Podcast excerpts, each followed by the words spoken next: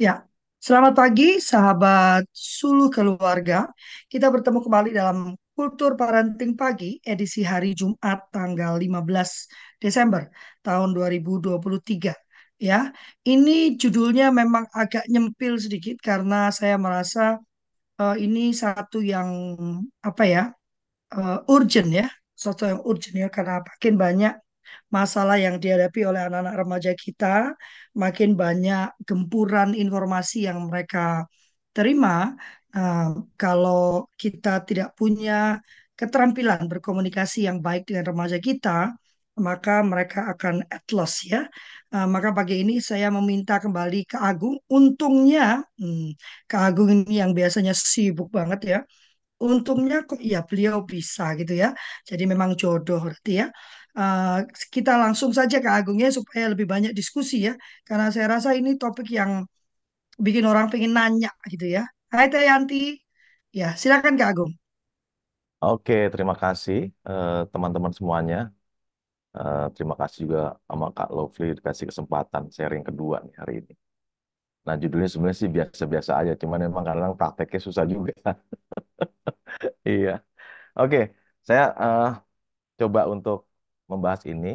Yang pasti eh, saya pun juga masih terus belajar gitu ya, karena memang namanya parenting kan nggak nggak berhenti gitu.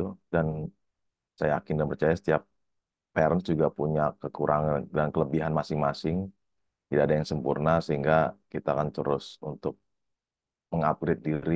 Walaupun tantangannya nggak mulus, tapi kita terus belajar lah ya. Karena sampai sekarang pun saya juga kalau jadi pembicara parenting, saya cuman saya juga bilang bahwa saya bukan orang yang hebat-hebat banget, tapi saya pengen ngajak aja nih, ngajak bareng. Karena saya juga masih terus belajar dalam proses ke sana. Oke. Nah, ini saya coba izin sharing nih ya.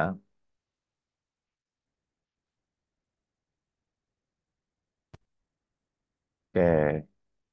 Ini salah satu cara kita untuk bagaimana mem- membangun apa ya, kedekatan hati ke hati kepada anak kita dengan cara dialog. Apalagi dengan anak remaja, memang pendekatan lebih ke dialog, bukan ke lebih ke instruksi dan sebagainya. Kurang lebih gitu. Ini salah satu strategi. Nah, kalau nanti mau lihat konten-konten saya bisa lihat di IG namanya Coach Agung underscore atau enggak di Growing. Nah, bisa dilihat di sana. Tak kenal sama kata sayang, mungkin saya coba jelasin dulu profil saya, saya pendiri growing.id sebagai direktur di sana juga. Kemudian instruktur modul coaching guru untuk sekolah penggerak di bawah Kemendikbud juga. Saya bantu mereka untuk bagaimana mendampingi para guru penggerak dengan pendekatan coaching. Dan saya juga berharap guru-guru juga bisa dan kepala sekolah bisa coaching juga kepada timnya ataupun ke siswanya. Saya bantu buat anak-anak muda juga tentang karakter coach dan juga parenting coach. Kemudian ini sertifikasi dari BNSP dan Coach Indonesia. Pengalaman saya macam-macam, ada yang IT 6 tahun, profesional di bidang sales 10 tahun, 15 tahun di coaching dan fasilitator. Ini kalau lagi saya training nih, Kak Flop, jadi memang saya lebih banyak pendekatannya project based learning atau experiential learning. Jadi memang banyak kedinamikanya. Jadi bukan team building istilahnya, tapi saya lebih ke project based learning atau experiential learning. Jadi lebih banyak dinamika dan live in dan sebagainya. Jadi pembentukan karakter anak tuh nggak hanya lewat kata-kata, tapi emang harus dikondisikan tertentu. Ini kalau di kelas, di perusahaan maupun di sekolah. Ini, nah, saya pun melakukan coaching juga sebenarnya di sebelum pandemi secara online juga. Ini saya lakukan, jadi bisa kita di daerah macam-macam. Ini perusahaan-perusahaan yang saya support selama ini sebagai narasumber, kemudian ini sekolahan juga. Oke, itu saja. Nah, selalu waktu kemarin kan pertemuan sebelumnya saya juga selalu mengatakan pilar saya ini menjadi fase atau uh, framework, oh, manajemen framework yang kita akan lakukan. Tentunya kemarin lebih ke wisdom, bagaimana kita untuk berkomunikasi hati ke hati kepada pribadi kita. Tujuannya agar kita dengan ketidaksempurnaan ini selalu refleksi diri, selalu maknai agar kita bisa lebih baik lagi. Bukan menjadi sempurna, tapi bisa lebih baik lagi. Ini makanya penting banget orang tua untuk refleksi diri terus. Nah, berikutnya bagaimana menumbuhkan kenyamanan. Ini masuk ke dalam dialog hati ke hati. nanti menumbuhkan keterbukaan sampai nanti dialog coaching. Ini setiap fase ini ada tekniknya, ada caranya. Sekarang ini saya coba masuk ke ini aja dulu karena waktu juga terbatas. Nah ini salah satu yang saya sampaikan juga ke Mendikbud juga. Jadi cara keterampilan mendengarkan aktif ini salah satu teknik untuk dialog hati ke hati. Secara teori gampang banget, tapi praktek penuh tantangan. Nggak gampang. Sampai sekarang pun saya terus mengembangkan. Bahkan kadang-kadang juga bisa terjadi konflik juga terhadap anak saya juga. Dan terhadap istri juga bisa konflik. Walaupun dengan konsep ini mendengar aktif juga cukup menantang. Tapi bisa kita lakukan. Nah, pendekatannya mendengar aktif itu pakai teman-teman mungkin di internet sudah tahu ya, pakai RA, SA namanya rasa. Nah, saya akan coba jelaskan manfaatnya seperti apa untuk bisa kita aplikasikan. Yang pasti kalau dalam dialog, dalam mendengarkan aktif diharapkan ketika anak-anak itu sedang berbicara, kita diharapkan menangkap pesannya apa. Karena kan namanya orang berbicara kan pasti banyak, sehingga kita harus dapat konsep-konsepnya apa yang kita dapat atau pesan-pesan yang dapat. Nah, ciri-cirinya adalah kata kuncinya apa nih yang pesan yang penting yang didapat. Biasanya kalau anak-anak itu ngomongnya berulang-ulang berarti itu kata-kata yang dalam benak hatinya yang yang memang lagi dibutuhkan pesannya sampai itu. Jadi berulang-ulang, misalnya saya bingung nih, ngomong kata lagi bingung nih, bingung, berarti itu ada kebingungan dalam diri dia. Jadi memang dalam mendengarkan aktif itu mesti benar-benar fokus. Kemudian diucapkan dengan intonasi tertentu, entah dalam bentuk emosional maupun dalam bentuk penekanan. Nah, biasanya kalau dalam mendengarkan aktif ini, itu pakai tapi, namun itu adalah bagian dari penekanan pesan yang disampaikan. Nah, ini jadi kata kuncinya di sini, ketika kita berdialog hati ke hati, kita diharapkan fokus banget untuk mendengarkan uh, dengan dengan baik. Kadang kita kalau ngobrol, kita sibuk masing-masing sehingga pesan disampaikan tidak maksimal. Dampaknya kalau udah nggak maksimal pesannya, persepsinya jadi beda. Dan akhirnya bisa jadi konflik dan sebagainya. Nah, ini kenapa ini penting banget. Nah, berikutnya dengan aktif, kita jadi menariknya gini, Bapak Ibu. Kita biasa di kuliah, biasa di tempat kursus public speaking, kuliah bagaimana kita ngomong, tapi kita jarang banget kursus mendengarkan aktif. Makanya kebanyakan kita berbicara dengan baik, berbicara dengan aktif. Nah, menariknya ketika kita berdialog dengan anak kita, jadi kita terbiasa untuk menyatakan dengan aktif atau enggak menasihati dengan aktif. Nah, ini bagi saya ini menjadi tantangan kita sebagai orang tua ketika kita untuk mendengarkan aktif. Saya kalau lagi ngomong gini memang harus berbicara, tapi ketika saya ketemu orang yang baru, saya untuk masuk ke mendengarkan aktif. Tujuannya biar saya bisa men-screening atau bertanya, mengeksplor diri orang itu, kira-kira apa yang bisa kita bantu sehingga lebih informasi lebih maksimal. Begitu pula dengan anak saya, atau enggak anak kita bersama. Karena ini juga termasuk teknik teknik sales. Kayak saya 10 tahun sales tuh, saya ketemu ribuan orang 10 tahun itu, saya selalu mendengarkan aktif. Sehingga bonding hati ke hatinya lebih cepat dibandingkan saya presentasi atau menjelaskan sebaiknya. Nah, salah satunya kemampuan seorang orang tua maupun sales ketika itu juga diharapkan mampu bertanya. Nah, pertanyaannya pun diharapkan dengan pertanyaan terbuka. Sehingga mereka ada ruang untuk bercerita, ada ruang untuk menjelaskan. Kalau pertanyaan tertutup, nanti mereka tidak banyak bercerita. Sehingga kita tidak bisa mengeksplor apa yang dipikirkan, apa yang dalam hati dia. Nah, ini penting banget. Makanya pertanyaan tertutup itu nggak begitu oke okay ketika kita berdialog. Contohnya, apakah sudah makan belum? Sudah belajar belum? Sudah mandi belum? PR-nya sudah dikerjain belum? Itu kan pertanyaan-pertanyaan tutup. Tuh. tapi kita nggak pernah pertanyaan mengeksplor. Nah, itu yang akan coba kita latih sebenarnya. Makanya mendengar hati itu butuh latihan. Oke. Nah, kenapa bertanya? Karena investasi dalam hubungan. Saya selalu ini, kebetulan saya ada tagline bagus di di insurance tuh yang prudential, always listening, always understanding. Jadi kita selalu mendengarkan, maka kita akan selalu memahami. Dan itu paling efektif bagi saya. Dan saya itu praktekkan ketika saya di sales. Dan saya praktekkan di dalam orang sebagai anak, itu juga saya praktekkan. Yang kedua, mendapatkan informasi sebanyak mungkin. Jadi kalau kita khawatir sama anak kita tentang pergaulannya, ya bu ditanya, ngobrol-ngobrol cara mendalam, santai, tanya, explore, sehingga kekhawatiran itu bisa terkikis dengan adanya dialog dalam bentuk pertanyaan. Kadang kita kalau udah khawatir tinggi kan terlalu banyak pernyataan, sehingga malah jadi konflik. Membuka hubungan ketika kita juga ngobrol dengan anak kita dengan dialog. Berikutnya memperkuat hubungan keterbukaan dan kepercayaan. Jadi per, manfaat bertanya itu sangat-sangat banyak. Sampai nanti pembentukan pola pikir, pola kerja. Karena kan setiap bertanya, kita dikasih, anak kita dikasih untuk berpikir. Anak kita di, dikasih ruang untuk berpikir kritis, di ruang untuk berbicara, sehingga pola pikir, pola kerja bisa terbentuk. Nah, ini yang penting banget. Kenapa bertanya itu penting.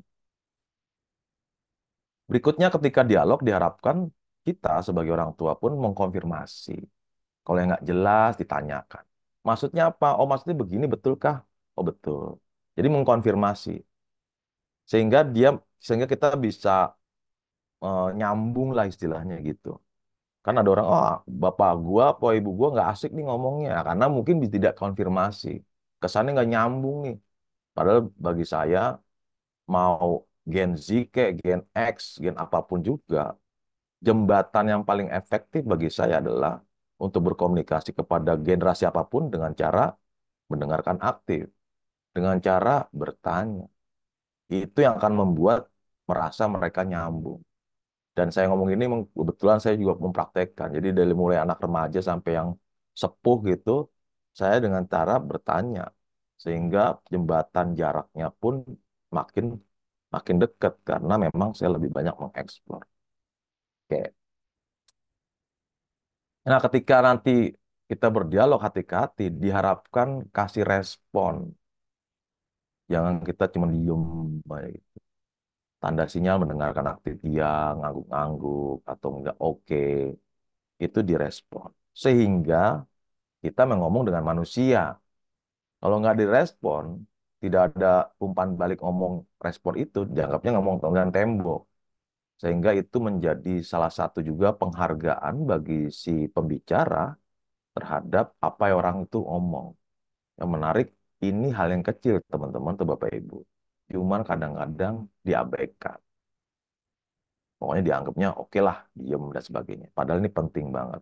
Terutama bagi orang yang senang bercerita, ini penting banget untuk merespon. Okay. Nah, tipsnya agar kita bisa ngomong hati ke hati adalah tolong Bapak Ibu selalu fokus untuk hadir bagi komunikasi bagian. Ini kadang-kadang yang bikin miss. Saya pernah punya klien, Pak, saya sering ngobrol kok sama anak saya. Oke, kalau ngobrol, ibu lagi ngapain ngobrol? Saya lagi masak. Anak lagi ngerjain PR, terus dialog. Gimana PR udah belum? Saya banyak nanya kok, Pak. Iya, nanyanya begitu. Sebenarnya kalau dialog adalah kita benar-benar tatap muka nih. Saya misalnya ngobrol sama Bu Lovely itu, Kak Lovely. Ya udah, hati ke hati, mata ke mata, udah ngobrol. Yang lain kegiatannya dilepas dulu. Gitu. Ini penting banget. Kadang-kadang ngobrol itu dianggap ringan, ya udah, seliweran-seliweran aja. Makanya saya selalu bilang, kalau di rumah, itu lebih banyak dialognya adalah koordinasi konfirmasi doang. Tapi bukan hati ke hati. Namanya hati ke hati itu duduk bareng, tek, dah ngobrol nggak usah mikir yang lain, handphone taruh. Kadang-kadang kita juga sibuk di handphone. Anaknya, gila anaknya sibuk di handphone, kita ngoceng, ntar anaknya kita komplain sama anaknya. Wah ibu, kok kamu gimana sih? Kok main handphone dulu? Lama juga main handphone juga, bapak juga main handphone, kan bisa gitu. Nah kalau dialog langsung taruh aja. Ini kadang-kadang sepele teman-teman. sepele banget, tapi sebenarnya ini yang bagi saya fatal karena kalau kita ngobrol tetap kita harus hadir seutuhnya. Jadi badan, pikiran, hati semua harus selaras. Lagi ngobrol sama anak kita tiba-tiba, waduh, cuciannya udah diangkat belum lagi hujan. Nah, ini nanti konslet lagi tuh, jadi agak nyambung. Jadi memang ketika kita dialog, diharapkan badan, pikiran, hati semua selaras. Sehingga nyambung. Nah, yang bikin nggak nyambung kadang-kadang kita pikirannya ke mana, duduk sama anak kita ngobrolnya apa, pikiran yang lain dan sebagainya. Nah, ini teknik yang mendengarkan hati itu benar-benar bagi saya ini yang paling paling krusial lah. Berikutnya kalau ngobrol dengan anak kita, khususnya anak remaja, alangkah baiknya santai. Ngobrol santai, senyum, dan sebagainya. Ini pasti Bapak Ibu sudah oke lah ya, misalnya bisa kita lakukan. Antusias ketika ngomongin hobi mereka. Kita pengen tahu. Bukan malah ngecengin. Apaan sih mainan beginian aja kagak bermanfaat. Wah, misalnya ngecengin begitu. Atau enggak nyinyirin. Kamu ngapain sih nongkrong-nongkrong mulu dan sebagainya. Antusias dulu aja. Tujuannya adalah kita pengen lebih ke koneksi. Bukan koreksi. Kadang-kadang kita kebalik. Koreksinya dulu masuk. Koreksa, koreksi, koreksi.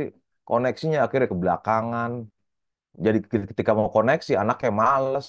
Karena ketemunya koreksi mulu. Nah, teknik saya karena sebagai sales 10 tahun, masuklah koneksi dulu. Ntar koneksi udah enak, nyaman, baru koreksi boleh. Itu pun dengan cara yang tepat. Oke.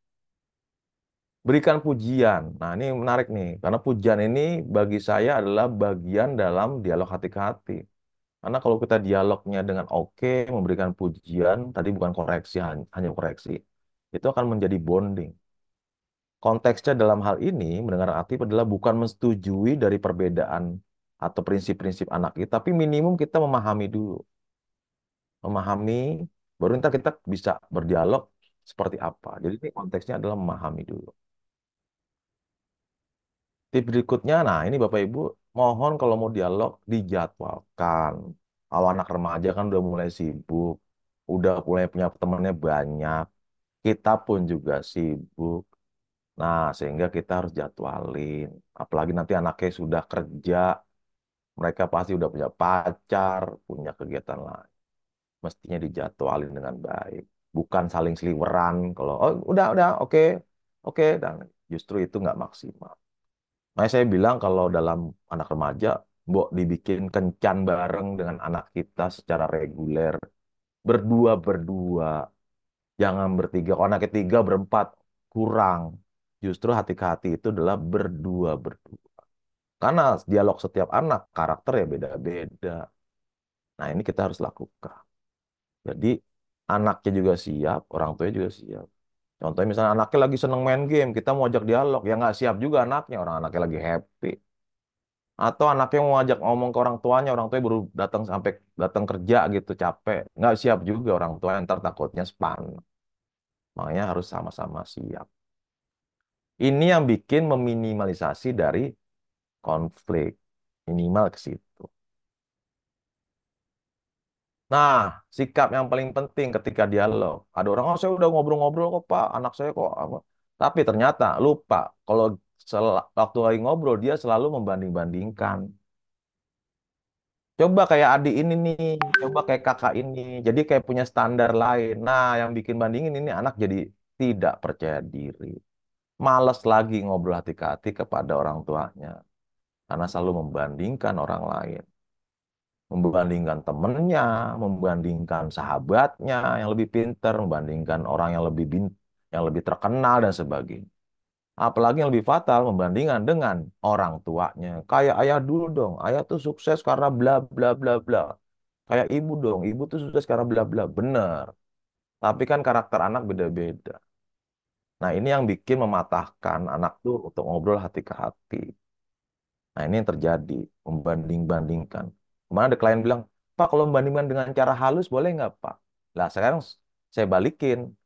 Kalau saya membandingkan Bapak dengan cara halus, rasanya gimana Pak? Sakit hati juga sih Pak. Lah kalau kayak gitu berarti nggak bisa dibanding-bandingkan. Mau cara kasar kayak halus, tetap tidak bisa. Karena setiap anak, setiap orang tua punya kelebihan dan kelemahan masing-masing. Jadi alangkah baiknya jangan dibanding-bandingkan. Kita akan coba kembangkan potensi mereka masing-masing. Ini penting banget. Tiga alasan yang nggak bisa, yang gagal kalau kita mendengarkan aktif atau dialog hati-hati. Pertama, ketika kita dialog, jangan cepat bikin asumsi. Baru ceritanya satu kalimat, dia langsung langsung asumsi. Oh, kamu begini ya. Oh, kamu begini ya. Oh, kesimpulan cepat tuh. Dengan kesotawan kita sebagai orang yang merasa lebih tua gitu ya. Sehingga orang anak jadi, oh, ya elah, baru ngomong begini mah, baru begini pak, tiba-tiba kasih asumsi. Ngelabelin, ngejudgment, memberi label pada seorang seseorang dalam situasi tertentu. Oh, kamu sepertinya kamu nakal sekali nih kamu. Kamu kamu kayak orangnya nggak tahu diri. Ah, udah cepet label-labelan gitu. Akhirnya anak itu juga susah untuk ngomong hati ke hati. Atau asosiasi, mengaitkan pengalaman pribadi. Is okay juga pengalaman pribadi kita. Cuman tolong dengerin dulu. Kalau buat inspirasi boleh. Cuman tolong dengerin dulu sampai dia tuntas bercerita. yang nggak kalah penting, yang nggak disadari maupun sadar. Sampai sekarang pun saya juga tetap uh, menantang juga adalah memotong pembicaraan agar tidak memahami dan mendapatkan informasi secara utuh. Jadi kalau kita motong, dikit-dikit potong, dikit-dikit potong. Dampaknya yang pertama, kita nggak dapat informasi secara utuh.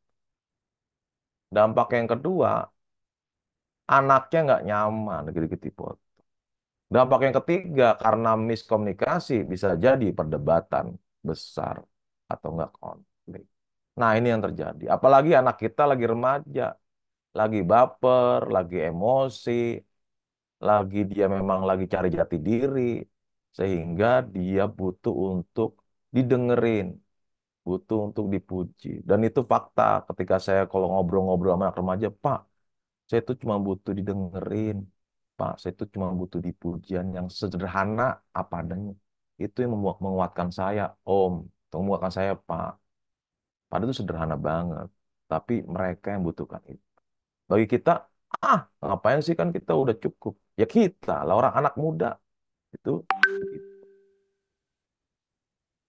Nah, ini kalau nanti kita ngobrol strategi hati ke hati. Tapi mungkin akan pertemuan selanjutnya ya.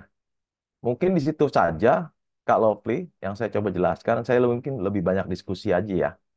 Nah, silakan Kak Lovely kalau misalnya ada pertanyaan. Ya, menarik nih uh, mendengarkan aktif ya. Kemarin saya bicara sama um, 250 anak kelas 5 dan kelas 6 ya. Hmm. Jadi memang saya baru kesad tersadar kalau dibandingkan tuh kenapa selalu dibandingkan sama yang lebih baik ya. Pantasan ada lagu yang Yongkong ini kok hmm. dibanding-banding eh hmm. ya mesti kalau dibandingkannya selalu yang lebih baik gitu kan. Buat bandingkan sama yang lebih jelek jadi paling nggak merasa lebih baik gitu kan. Apakah ada pertanyaan teman-teman? Menurut saya ini menarik ya. Bagaimana kita mendengarkan. Kemarin juga bersepakat kalau mendengarkan tuh gesturnya itu harus benar gitu ya. Hmm. Tadi yang kata Kak, Kak Agung ya. Paling hmm. tidak bahu itu menghadap ke bahu sejajar dengan bahu yang diajak berbicara. Hmm. Sehingga mata dan mata itu sejajar gitu kan. Kak Vivi, silakan. Ini kedengaran belum siap-siap libur. Memang sengaja saya mundurkan aja. Karena ini momen yang sangat bagus. Jadi oh, saya memang agak sakit kalau udah masalah remaja ini problem yang tidak pernah habis. Jadi anak saya yang memang kecil itu memang menguras emosi sebetulnya. uh, Terima kasih Kak Agung. Jadi kebetulan Kak Lovely memang baru dua hari terakhir kemarin terjadi perdebatan yang cukup keras. Hmm. Jadi uh, seperti yang Kak Agung, katakan tadi, teknik berbicara, mendengarkan itu memang butuh perjuangan, butuh proses, dan saya melakukan itu. Cuma feedback anak ini yang tidak seperti itu. Jadi kalau saya minta waktu, dia nggak punya waktu. Terus nanti kalau kita bicara, saya sudah letakkan semua, dia juga menghindar. Artinya kan begitu. Jadi ada sesuatu kejadian yang memang uh, mungkin kayak misalnya nggak masuk sekolah gitu ya, nggak mau masuk sekolah atau apa, bagaimana itu dia memang terkadang anak saya bingung juga terkadang ini anak bicara belak-belakan terkadang dia senang cerita kalau udah gitu saya senang saya pasti taruh saya pasti dengarkan dia saya pasti feedback tetapi pada suatu saat uh, dua uh, beberapa hari terakhir ini saya masih bingung sendiri karena uh, terjadi uh, menutup diri. Jadi begitu ya. Jadi kayak kemarin itu dia nggak uh, mau hadir sekolah, alasannya nggak jelas. Hmm. Pokoknya aku nggak mau mah. Sudah keras banget anak saya keras kepala banget. Jadi saya ngomong apa pun dengan cara yang halus, dengan cara yang seperti apa yang dia mau, itu nggak nggak masuk.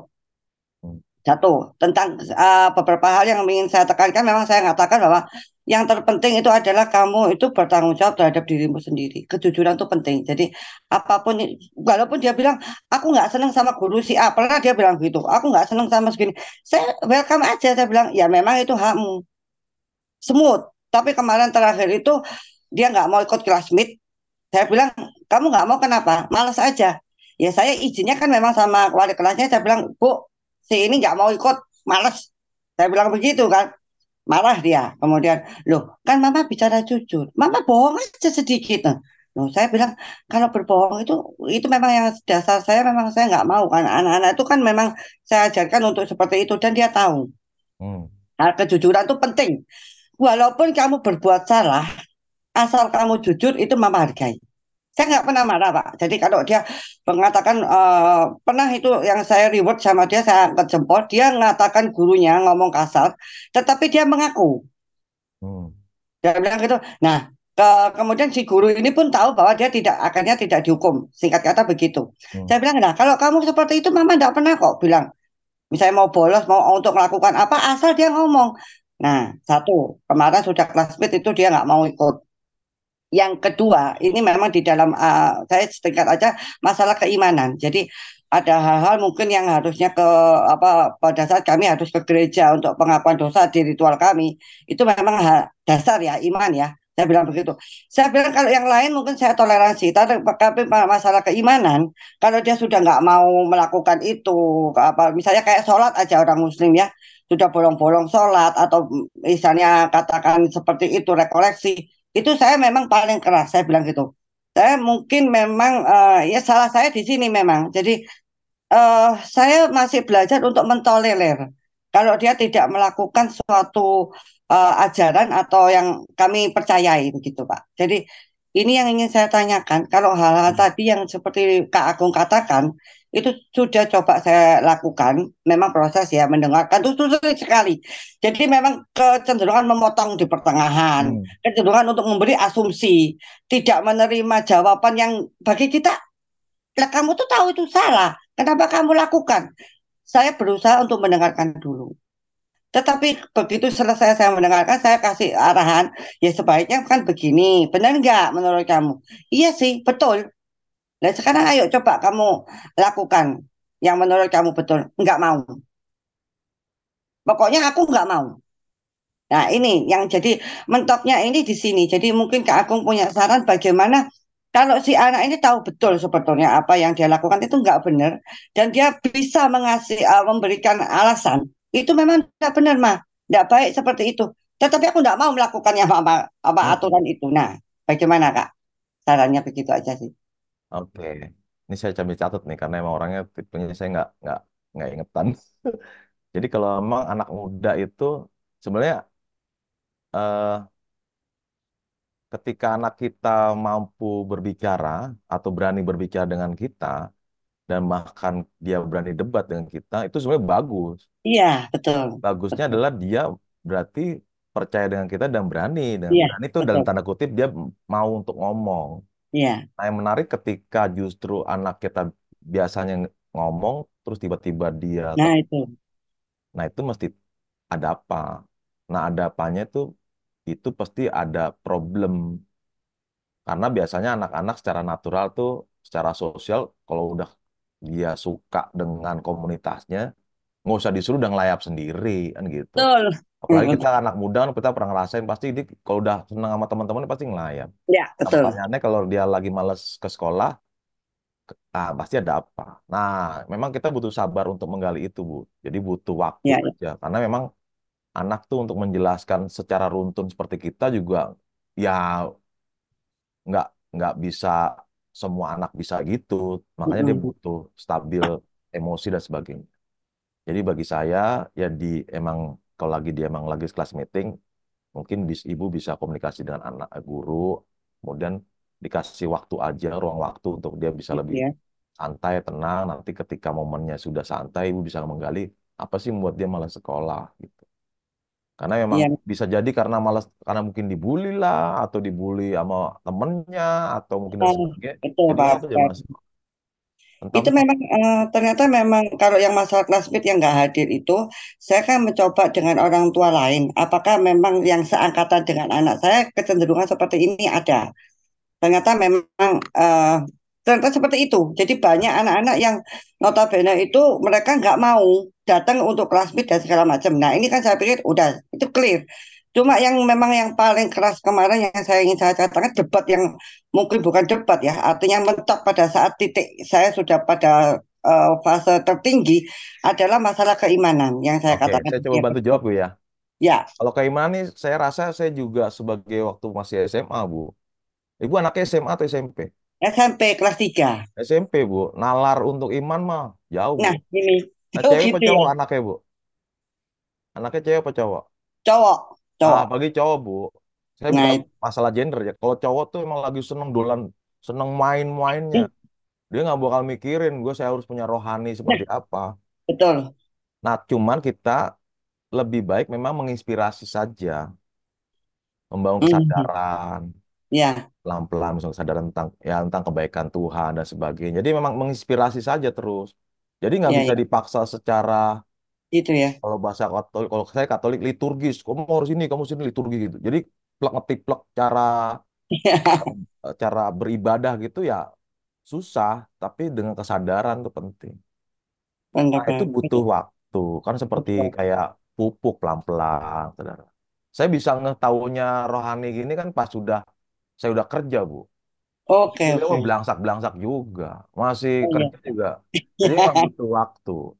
Apalagi dan memang saya bisa rajin doa karena ya sadar dan menginspirasi. Oh, bok- bokap gue dulu emang rajin doa.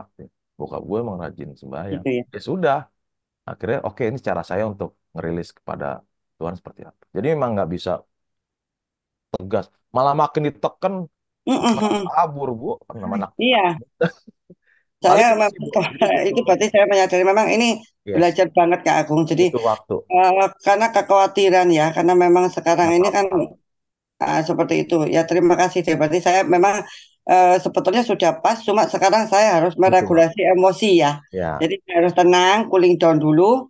Eh, it's okay lah, seperti itu Karena memang yang menarik Bu. dia. Yang menarik gini, kita disuruh beragama nih, tapi kita memperlakukan dengan keras dan ekstrim. Lah, Nah, ntar akhirnya kesimpulan gini, kok masuk agama dengan cara keras ya? hmm, betul betul. Cara yang menakutkan. Mana gue mau gitu. Apalagi agama kan justru justru kita memberi contoh yang akhlak Ya, yang baik. betul betul. Walaupun eh, kita apa ya eh, masalah untuk berdoa kan teknik masing-masing ya. Tapi itu yang paling penting sehingga itu anak jadi persuasif sih. Nggak gampang Bu. Saya sampai sekarang juga menantang namanya anak ABG. Iya ya betul Cara betul. itu nggak gampang. Oke, terima Ya, kasih ya Bu. oke. Terima kasih Kak Agung. Terima kasih Kak Vivi. Ini Kak Dian Abu Sofyan. Silakan Kak Dian. Ya, terima kasih Kak Meli. Ya, eh, saya menyambung yang tadi saja, yang dari Kak Vivi-nya. Jadi, eh, tipikal anak-anak remaja kita kan sudah mulai yang mereka eh, tidak mau curhat dengan orang tuanya gitu. Iya. Kadang mau lebih lebih senang curhat dengan teman-temannya gitu. Biasanya kan gitu tipikal anak remaja. Eh, ini kita mau mendengarkan aktif, tapi bagaimana triknya ketika misalnya ada anak yang mereka udah ngeblok duluan nih dengan kita gitu. Hmm. Jadi kita mau mau memulai pembicaraan, mau mulai mendengarkan, mau mulai tapi mereka sudah ngeblok duluan, nggak mau dengan Iya. nggak mau bicara, nggak mau apa gitu. Ini bagaimana triksnya gitu memulai pembicaraan itu gitu. Itu yang pertama. Nah Hmm. kemudian yang kedua ada juga tipikal anak-anak yang memang nggak mau eh istilahnya kalau sekarang bahasanya introvert ya dia dia mm, susah untuk mengungkapkan. Nah, susah untuk ngomong susah untuk berbicara. Nah kita mau mendengarkan aktif tapi anaknya eh, nggak mau aktif berbicara. Jadi kita bingung sendiri kadang ah, gitu. Hmm. anaknya nggak kita mau mendengarkan tapi anaknya nggak aktif berbicara.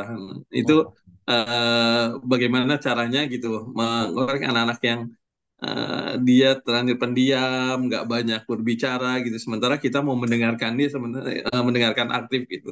Itu yang Mhm. kedua. Kemudian yang ketiga terakhir untuk uh, setelah Pak, ya. mendengarkan. Oke. Terus? setelah mendengarkan aktif, kira-kira uh, masih efektifkah ketika misalnya kita memberikan uh, reward atau punishment itu ke ke anak gitu? Masih efektif nggak gitu? Oke. Ya. Nah, ini Ya. Nih Menarik, menarik. Ya, gitu. Terima kasih. Walaupun diborong tapi menarik. Silakan Kak Agung. Nah, ini kalau namanya ngeblok itu kan berarti sebenarnya ini secara human aja, Pak ya. Kalau namanya orang tertutup, berarti orang tersebut lagi nggak nyaman dengan kita, Pak. Nah, pertanyaannya bagaimana biar nyaman kan gitu. Makanya kalau saya di coaching, itu biasanya masuk ke namanya engagement dulu. Jadi membangun building trust dulu sebelum dialog secara serius. Jadi kita masuk, kalau karena saya sales waktu itu, ya saya lebih ke ngobrol informal tanpa. Jadi ketika sebelum dialog secara deep talk gitu lah istilah bahasa sekarang itu, ya puji, sapa, senyum. Eh, jadi memang approach-nya approach informalnya, Pak. Jadi kalau anak-anak ya kita ajak jalan ke mana. Eh, kamu mau ke mana nih? Ke mall, ayo. Kamu ke mana? Kafe, ayo. Jalan. Itu tuh, walaupun kita nggak ngobrol, itu menjadi approaching. Kalau sales tuh approach dulu tuh. Lobby dulu. Lobby biar orang itu happy, nyaman. Karena orang happy, nyaman, baru bisa masuk ke deep talk. Jadi kalau orang yang ngeblok, kemungkinan dia belum nyaman dengan kita. Gitu. Nah, ketika nanti kencan sama bapak atau jalan bareng nonton bareng, nggak usah banyak ngoceh kitanya, Pak. Ya ketawa-tawa aja happy, santai. Santai aja, tenang. Kalau kita bukan orang yang sangin seneng ngomong, ya udah santai. Jadi nggak ada banyak instruksi, nggak ada banyak pernyataan apa pun ketika berkencan. Itu yang akan bikin happy. Dan itu kalau itu terus terus dilakukan, Pak, sampai dia ada fase baru dia akan ngomong sendiri. Jadi pondasi fase lobby kencan bareng itu pasti akan lebih gede, khususnya untuk orang-orang yang ngeblok. Jadi dia akan diregulir terus, Pak. Maksudnya secara terus-menerus tuh. Terus nanti ada titik tertentu dia akan kebuka. Cuman butuh waktu. Jadi mau biar nggak nggak harus memaksa dia untuk bercerita ya. Enggak, belum. Karena belum dia tidak mau kalau sebelum dia nyaman. Saya baliklah ke kita-kita nih, Pak. Orang yang Bapak, Pak Dian misalnya yang nggak kenal sama sekali, ayo Pak, saya saya siap mendengarkan. Kan siapa lu Gung? Kan gitu orang dia nggak tahu. Males juga kan Pak. Ini kalau kita ngomong secara manusiawi kan gitu. Jadi memang butuh waktu. Bisa jadi karena mungkin kita sibuk sehingga gap gap untuk PDKT-nya juga butuh waktu. Nah, jadi memang butuh waktu ya Pak untuk itu. Jadi kalau misalnya masih keblok terus, ya tetap Bapak harus berkencan terus tuh Pak. Tetap jalan bareng terus. Ya kayak PDKT ke pacar kita dulu lah Pak. Kan sebelum dia kita tembak kan kita juga ya happy dulu atau apa gitu. Makanya kalau saya kalau lagi dialog atau berkencan keluar rumah. Kalau kok di rumah tuh auranya tuh kayak udah namanya orang tua kan ya karena kasih instruksi, kasih ketegasan gitu. Tapi kalau kita di luar kan lebih fun, lebih happy. Itu yang pertama ya Pak. Jadi ngeblok, cara ngeblok ya kita harus PDKT lagi dari ulang. Karena memang siklusnya nanti begitu Pak. Kalau lagi enak, nyaman, tiba-tiba konflik, bikin gap lagi kan Pak. Nanti jauh jauh lagi. Nah kita PDKT lagi, udah akrab, berantem, jauh lagi, ya PDKT lagi, gitu. Oke, susah mengungkapkan bisa jadi seperti tadi karena memang belum nyaman. Yang kedua memang ada orang yang introvert, Pak. Nah, bagi saya dengan pertanyaan terbuka itu memancing dia untuk bercerita. Lah, kalau orang yang tipenya ekstrovert kasih satu pertanyaan udah bisa banyak pernyataan banyak. Tapi yang introvert memang sepotong-sepotong. Lah, sepotong-sepotong itu udah kalau dia ngomong pun udah alhamdulillah, Pak. Itu udah bagus gitu. Nah, kecenderungannya anak itu bisa mau ngomong ketika apa yang dia sukai, apa yang dia cintai, apa yang dia lagi happy suasananya, itu biasanya dia akan banyak cerita. Sebenarnya introvert ekstrovert kalau orang introvert nyaman dengan teman bicaranya, pasti ngoceh juga kok, Pak. Cuman waktunya cukup panjang untuk membentuk kenyamanan. Kalau orang ekstrovert mah, yang penting tahu-tahu aktivitas begitu dipantik cepet. Kalau introvert pastiin dulu nih bener-bener nyaman. Nah saya tahu itu karena istri saya introvert pak. Jadi memang butuh waktu. Apalagi kalau lagi problem, wah diem seribu bahasa, diem. Ya udah saya mau nggak mau ngoceh diem aja dulu. Nah kurang lebih gitu. Nah kalau untuk efektif reward dan punishment, saya cukup saya nggak bisa ngomong efektif nggak ya. Dibilang efektif iya, dibilang nggak juga. Kalau saya lebih pendekatan kesadaran sih Pak, kesadaran, membangun kesadaran. Kalau reward punishment ter yang dilihat bukan dari prosesnya tapi lebih ke hasilnya. Karena kan saya alumni sales Pak. Kalau sales kan lebih ke reward punishment. Tapi kadang prosesnya jadi pakai apa adanya pokoknya dengan segala cara. Nah itu kan nggak baik juga. Kalau saya lebih ke kesadaran untuk mencapai goal itu prosesnya mesti baik dan sebagainya. Kalau saya lebih pendekatan itu. Tapi sekali lagi nggak ada yang benar salah ya Pak, tergantung dari masing-masing yeah. kenyamanan. Ya karena karena itu tadi Pak kalau misalnya kita ketika mendengar aktif sudah akhirnya di ujungnya jadi apa nih yang kemudian kira-kira atau anak kadang anak minta sesuatu dari kita gitu itu di ujungnya ini yang uh, kalau aku udah melakukan ini jadi gimana uh, aku dapat apa gitu karena. Oh iya iya iya. iya. Menarik sih Pak karena kalau saya juga ada nanya kamu dapat apa? Loh, kalau buat masa depan kamu, kamu dapat apa? Kan gitu. Sebenarnya kan iya. yang saya lakukan ini kan sebenarnya buat masa depan kamu. Kalau langsung dapat apa dari sisi apa yang kita kasih, oke. Okay. Tapi untuk masa depan kamu dampaknya apa? Jadi memang kemampuan bertanya itu tuh yang penting banget tuh Pak. Bener-bener emang saya butuh latihan Pak sampai sekarang. Makanya dengan dialog coaching itu adalah bagaimana si anak itu punya kesadaran dalam melakukan sesuatu untuk mencapai goalnya dari diri sendiri. Makanya anak tuh kenapa bisa suka belajar karena ada goalnya yang disetting dari mereka. Saya pun waktu SMA SMP gue malas banget belajar. Karena buat apaan sekolah? Saya senangnya main. Tapi ketika saya udah kuliah dan akhirnya saya kerja, saya senang belajar karena ada goalnya.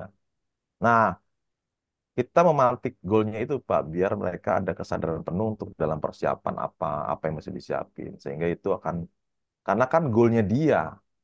Biasanya goal orang lain yang orang itu, yang komitmen itu sendiri, itu akan lebih kuat dibandingkan kita yang set goal sendiri, goal dia. Kamu, Pak Dian, harus ke sini ya. Belum tentu mau, oh, Pak Dian juga maunya ke sana gitu. Kurang lebih gitu Pak. Jadi memantik goalnya saja, nanti kesadarannya akan timbul. Semoga terbantu. Dulu yang pernah ya, saya baca kasih. ya, dulu yang pernah saya baca tuh Pak memang waktu anak-anak saya masih kecil kan paling gampang memang reward punishment ya. Itu uh, carrot uh, apa tuh uh, rabbit and carrot ya, carrot uh, carrot method itu kan. Mm. Kasih wortel itu kan itu kan uh, apa uh, perco percobaan behavior yang paling kuno ya. Mungkin Kak Irwan itu tahu ya uh, biasanya dikasih uh, monkey, dikasih apa, nanti mengerjakan apa, nanti kalau dikasih ini pergi ke mana gitu itu kan reward dan nanti kalau ke sana kesetrum punishment kan gitu kan. Itu kan masa yang apa cara cara pengasuhan terkuno ya yang yang penelitian yang pernah dilakukan. Lalu saya membaca dan saya mengalami sendiri ternyata punishment itu tidak menimbulkan kesadaran, punishment itu menimbulkan kemarahan. Hmm.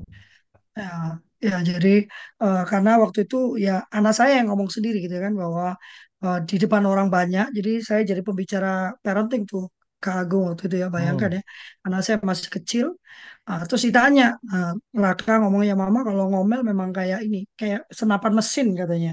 Jadi itu di depan orang banyak waktu saya jadi pembicara parenting. Tapi itu membuat saya sadar, oh ternyata ocehan saya dan punishment saya itu tidak berdampak buat dia. Dia hanya hanya marah. Jadi dia kehilangan. Karena kita mau menghukum itu kan sebenarnya kita mau memberitahu ini loh salahmu, hmm. jangan diulang lagi gitu kan. Nah, ternyata itunya miss gitu, nggak nggak dia dapat. Akhirnya ke reward, hanya mereward perbuatan baiknya. Jadi yang di reward itu perbuatan baiknya. Misalnya berbohong dia, lalu dia mengaku gitu, bukan berbohongnya, tapi dipuji mengakunya. Itu misalnya gitu. Hmm. Karena Karena ada juga uh, karena mereka homeschool kan, jadi mereka akan melaporkan apa yang mereka kerjakan seharian. Uh, dibilang udah udah semua mah si adik ya, udah semua mah ini udah ini udah ini udah ini udah. Rupanya conscience dia berbicara kan, hati nurani dia berbicara kan. Karena saya waktu itu di luar kota, um, uh, malam-malam sekali dia telepon, mama, ya ada apa dek gitu. Mohon maaf, uh, adik tadi bohong, sebetulnya belum dikerjakan mah. Oh kenapa? Karena adik melakukan ini ini. ini. Jadi tone kita memang penting ya, Pak ya. Karena saya sepakat sekali dengan Pak Kak Agung tadi. Investasi trust. Uh, karena trust itu earn, trust itu cannot be given. Menjadi orang tua tidak berarti uh, sama dengan kita dipercaya anak atau anak harus percaya. Itu tetap earn gitu kan. Aku yang ngasih duit kamu, aku yang melahirkan itu tidak berarti dia otomatis percaya. Hmm. Itu maka berinvestasi pada kepercayaan. Jadi waktu itu akhirnya reward gitu kan. Lalu saya katakan, "Oh, terima kasih Adik sudah jujur." Jadi bukan bukan tidak mengerjakannya tapi jujurnya. Jadi dia ketahui what what is the apa tindakan apa yang favorable buat kita itu apa. Itu yang kita sebutkan. Dan yang kedua saya yang ketiga saya baca reward itu ternyata tidak berupa materi Kak Dian. Karena kita tahunya kan kalau ini dapat itu, itu kayak kayak sales ya Kak Agung ya. Kalau mencapai target sekian, sekian persen, ya sekian persen nanti kalau nggak dapat iPhone 14 gitu kan. Nah rupanya yang saya baca reward itu tidak boleh berbentuk materi. Eh, sehingga dia tidak mengasosiasikan perbuatan baiknya dengan materi. Gitu. Hmm. Materi harus dihubungkan dengan pekerjaan. Kalau mau dapat ini, kita mau beli ini, ya kita nabung atau kita jualan ini yuk supaya dapat sekian ini kan harganya sekian gitu. Nah itu ujungnya ke materi sehingga dia tahu dia harus ada harus ada proses yang harus dia kerjakan. Hmm. itu kali ya kak Dian ya. Agak-agak tricky memang ya. Ya hmm. agak-agak tricky tricky. Kita memang harus cerdik cerdik ya. konsepnya uh, reward dari versi kalau Free sebenarnya apresiasi. Itu apresiasi. Ya. misalnya dia menghidup uh, melakukan kejujuran itu kan apresiasi. Karena anak remaja tuh butuh diapresiasi Oh, Mungkin zaman ribetnya bisa gini kak. Berarti nanti kita berjadi deh, kita pergi makan berdua ya, dek di sini ya, gitu karena ah. dedek sudah mau jujur. Nah itu kan ya, uh, itu kan reward ya. Tapi kan tidak terhubung dengan materi. Jadi dia nggak akan nanya dapat apa nih aku gitu, karena kan uh, ujungnya materi ya. Jadi UUD nanti, ujung-ujungnya duit. Hmm. Gitu. UUL aja, ujung-ujungnya love gitu kan, cinta. Iya. UUL, istilah baru tuh besok aku bicara sama parenting perlu tuh UUL ujung-ujungnya eh, love gitu ya. biasa. Tuh Kak Emma sedang membuka uh, mic-nya tuh. Iya. Kak Emma yang mau disampaikan iya. silakan. Terima kasih pencerahannya luar biasa. Tadi yang mengenai keimanan ya agama itu ya. kalau menurut saya karena saya kebetulan punya anak remaja juga memang hmm. sulit kalau urusan agama ibadah. Di mana pun anak-anak itu belum belum berpikir ke situ ya anak remaja. Ya tapi kalau disentuh itu mudah-mudahan itu beda. Jadi anak saya lebih mengerjakan sesuatu tapi tidak ada satu marah. Sama maksudnya biasa orang tua sama anak sama anak remaja kan tidak semudah membalik tangan tapi saya sentuh itu agak lumayan suaranya agak kecil ya cinta yang nggak langsung dibilang ya sentuhan tuh mungkin menimbulkan ya karena dekat cinta terus yang mau saya tanyakan tadi yang nggak Lafli bilang melaporkan apa yang dikerjakan itu saya merasa untuk anak saya belum. Padahal sebetulnya anak saya itu anaknya oke. Okay. tanggung jawab apa semua kan bisa. Cuman ya itu yang saya masih tekankan dia sudah usia 15 tahun ya. Melaporkan apa yang dia kerjakan itu bagaimana cara karena dia kenangannya juga kalau di sekolah apa kemarin habis ini dapat uang. Udah ini bagus sih. Cuman masalah melaporkan apa yang dia kerjakan itu yang saya inginkan. Itu bagaimana triknya? Terima kasih. Ibu, Ibu bisa diulang pertanyaannya bisa, karena agak ya? sayu-sayu suaranya. Oh. Iya, tapi tadi ya, menyebutkan tentang praktek beragama tadi Kak Agung. Ya, pertanyaan ya itu dengan sentuhan. Itu sebaiknya dengan sentuhan kalau disentuh mungkin kita apa doakan sesuai ini agama kita ya itu nanti bagus itu biasanya. Karena saya lakukan untuk anak saya. Kadang ibadah di saya ada mama doakan mereka. Sentuhan, sentuhan. Dengan sentuhan tuh Ya, bisa di sentuhan. Mungkin bisa dituliskan di chat aja Kak, karena suara Kakak itu Oh, timbul tenggelam. Per- baik, pertanyaannya baik. apa ya? Itu yang ya. dimaksud dengan sentuhan itu apa ya? Ya, Waktu ya. kita Tuh. bicara tentang praktek agama ya, iya kan? Tadi Ya. katanya dengan Oh, sentuhan dengan dengan mendoakan. Kalau dengan Ya. mendoakan, oke saya paham ya. Dengan sentuhan tuh mungkin bisa dielaborasi, di, di, didetilkan lagi, tapi di, dicek, ditulis di chat aja Kak Emma kalau boleh, supaya terdengar, supaya semua bisa membaca dengan Ya. jelas ya. Kalau nggak nanti potong-potong sayang ilmunya. Ya. Silakan Kak Agung yang satu syaratnya ini melaporkan apa yang dia kerjakan. Nah, itu yang belum. Tapi dia Nah, sudah bikin MOU, sudah bikin peraturan, tapi belum belum Melaporkan, dikerjakan. Kenapa? melaporkan tadi bilang. Ya melaporkan ya kayak Kak Lafri cerita tuh loh, mama anaknya homeschooling. Tapi kalau ini kan tidak ya Oh, tidak. ya, ya, Tapi ya, ya, maksudnya ya, yang ya, hari-hari di rumah tuh, saya tuh pengennya yang namanya anak itu ya. Tahu disiplin yang lebih kuat, lebih maksimal lah. Cuman ya memang prosesnya itu bagaimana penerapannya. Melaporkan apa yang dikerjakan gitu. Oh, list to do Tapi gitu maksudnya hanya ya? di sekolah. Karena tadi kan aku melap- mencontohkan aku yang melakukan homeschooling Kak. Agung. Jadi kan anak-anak kalau sore itu kan quote unquote ya, quote unquote bukan melapor kayak dia melapor ke ini, tapi quote unquote kan eh, melaporkan kegiatan harian dia. Karena kan semua bekerja secara mandiri kan. Sebagai bentuk apa akuntabilitas dia itu dia melaporkan apa yang dia kerjakan hari ini. Nah, Kak Emma tadi bertanya anaknya atau cucunya, anaknya apa cucunya tuh? Udah Anak saya 15 tahun, cucu juga ada. Oh, anak, ya, Hmm. itu belum sampai ke tahapan eh, Oh, membuat pelaporan gitu, Kak Agung. Gimana caranya? oke, saya jawab yang tentang pelaporan ya. Kalau Ya, soalnya itu, usia remaja ini kan usia harus tanggung jawab yang lebih ya, Kak ya, Agung. ya, Kasih. secara konteks sih untuk agar anak kita tanggung jawab sebenarnya salah satunya memang untuk membuat laporan, salah satunya. Tapi kan nggak semuanya, Bu, untuk orang seperti itu. Saya pun kalau jadi anak ibu, saya juga bisa beler juga. Dan itu wajar gitu ya. Karena anak itu ya namanya lagi masih remaja kan butuh latihan. Nah, salah satu tanggung jawab juga selain itu nggak mesti harus dilaporkan. Misalnya ada tugas misalnya cuci piring lah, atau bersih-bersih rumah, atau apa pun juga. Itu salah satu tanggung jawab.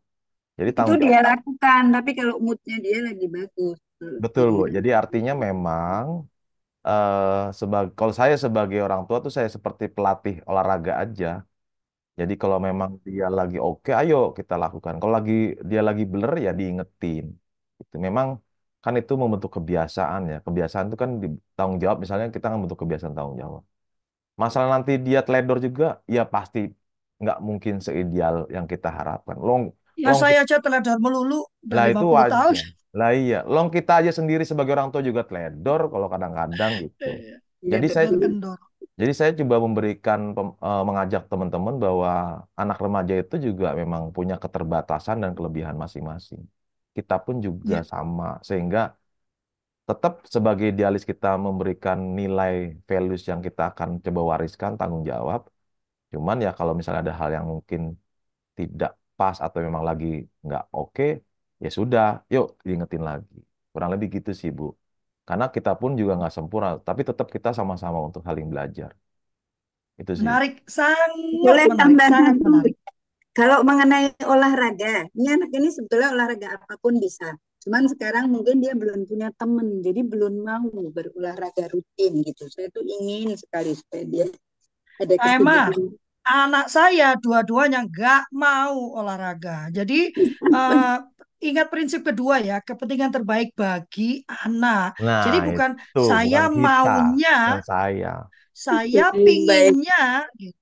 Nah, dia itu maunya apa? Kalau kalau dia ingin kita mau menggoda kan judulnya menggoda ya Kak Agung ya, menjual Mm-mm. ide gitu kan, sales itu kan sales ya Kak Agung ya, Mm-mm. menjual ide ke anak. Tahu nggak? Olahraga itu bisa bikin sehat loh. Nah, saya nggak bisa menjual ide itu Kak Emma. Wong saya tidak pernah bangun pagi, tidak pernah olahraga. Lah iya. Ya, Tapi nanti ben- kata anak saya, mm. loh wong mama aja tidak pernah jalan kaki kok mau ngomong jalan kaki itu sehat.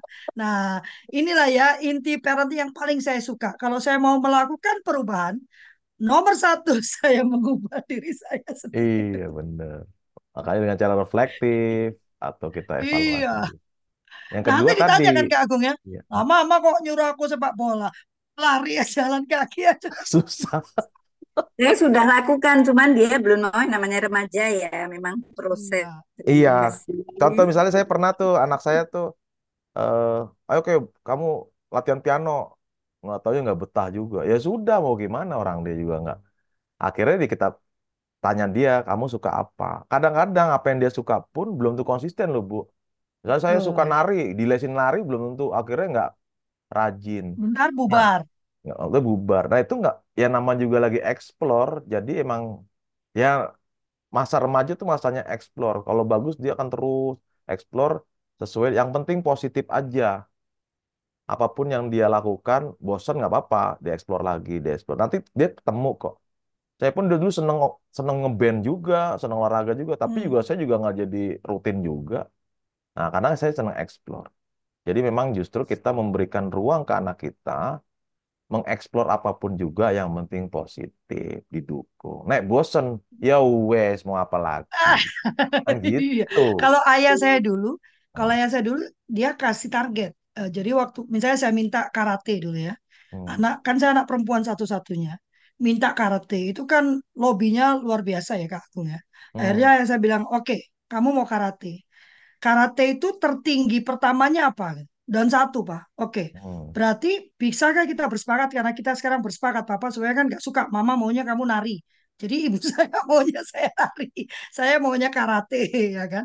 Akhirnya bapak saya bilang oke, karena kita sudah ini kan bersepakat nih, berarti harus di, eh, di tengah ketemunya ya. Berarti Ma- Kak, eh, Mbak Api, kan mereka manggil saya Mbak Api ya. Mbak Api nggak boleh berhenti sampai dan satu selesaikan. Hmm. Jadi kalau di rumah saya itu kan yang yang di rumah saya dan di rumah saya sekarang juga apa yang kamu mulai harus diselesaikan. Eh, itu yang saya coba lakukan. Apa yang saya mulai saya selesaikan. Sehingga saya berhenti di dan satu, terus nggak mau lagi kan udah selesai kan? Kan tuntutannya di dan satu. Hmm. Sama piano kak. Piano saya tuh gak suka banget, tapi kan harus akhirnya saya bernegosiasi. Pokoknya naik tiga tingkat gitu kan. Kalau dulu kan piano piano ini lagi piano klasik kan susah banget ya Hmm. akhirnya dengan berjuang setengah mati kan sudah bersepakat gitu kan tiga tingkat ya saya nggak mau lagi disuruh dan mereka nggak bisa memaksa karena sudah demikian eh, Hmm. sepakatnya kan gitu. Iya. sudah jam 8 lebih 7 ke Agung. Wah ini ternyata luar biasa ya. Diawali dengan agak slow tadi ya. Ya kan? Tapi begitu Kak Agung membuka ruang bertanya wah permasalahannya ternyata luar biasa ya. Sangat-sangat ini ya sangat eh, apa praktikal.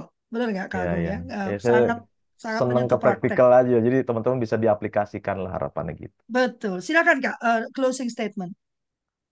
Si statementnya ya, yang pasti ketika waktu masih SD kita mudah ya untuk memberikan wejangan kepada anak kita. Tapi ketika sudah remaja, kita mesti banyak dengerin, banyak dialog, banyak memahami.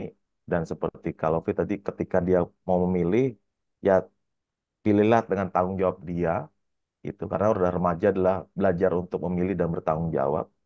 Dan saya juga seperti kalau kalau ketika dia memutuskan pada saat remaja memutuskan sesuatu, ya selesaikan gitu.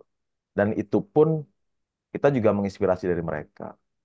Jadi artinya bahwa kita berharap bahwa kita membantu sesuai dengan potensi, sesuai dengan impian mereka. Kita menemani untuk dalam bentuk dialog ketika remaja. Nah, kita juga untuk menanamkan nilai tanggung jawab adalah yang paling utama itu memberikan contoh. Kalau kita sebagai memberikan contoh anak yang bertanggung jawab, ya kita juga belajar tanggung jawab kepada anak kita. Nah, itu aja sih yang saya coba lakukan. Paling efektif adalah toladan. Gampang, susah. Sampai sekarang pun saya juga lagi belajar menjadi toladan yang baik. Itu saja kalau kalau terima kasih. ya ya toladan itu enggak berarti kita sempurna tapi Menoladankan proses menjadi lebih baik setiap hari menjadi diri mm, kita yang lebih baik itu menurut saya jauh lebih penting mm, daripada menoladankan kesempurnaan. Sehingga kalau kata anak saya dia bilang dengan melihat mama jatuh bangun selama kami masih kecil dan mendengarkan mama terbuka tentang jatuh bangunnya, itu ternyata membuat menjadi dewasa itu tidak menakutkan. Karena ternyata mm, boleh jatuh, boleh gagal gitu kan. mm, Nggak mm. selamanya hidup itu sempurna. Ya, dan yang berikutnya kita punya benchmark. Ya, benchmark bagaimana pertumbuhan anak di usia setiap tahapan usianya, emosionalnya, kemampuan berpikirnya, ya kan, uh, kemampuan bergeraknya, itu bukan menjadi penghakiman, tapi itu adalah tugas kita menstimulasi anak mencapai benchmark tersebut. Bahkan mungkin bisa lebih ya, tapi setidaknya benchmark itu dicapai. Maka pemahaman tentang benchmark itu penting gitu kan. Perlu diingat anak remaja itu memang yang sudah fully develop itu adalah uh, apakah amigdalanya ya, hmm. otak tengahnya yang bicara tentang emosi. Makanya kalau marah itu kenceng, nangis kenceng gitu kan, malesnya juga kenceng karena emosinya yang sudah sangat uh, sangat apa sangat terbentuk dengan baik. Yang sedang dibentuk adalah koneksi dengan frontal lobe atau kemampuan berpikir logis, membuat keputusan logis gitu ya. Jadi bukan harusnya kan dia tidak, dia memang benchmarknya mulai bisa membuat keputusan yang logis.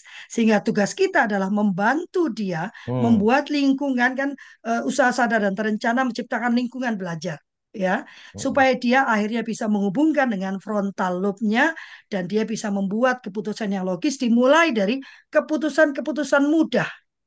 Ya kan Kak Agung ya? Mm -mm. jangan langsung tahu-tahu keputusan yang berat, berat. gitu kan ya kan?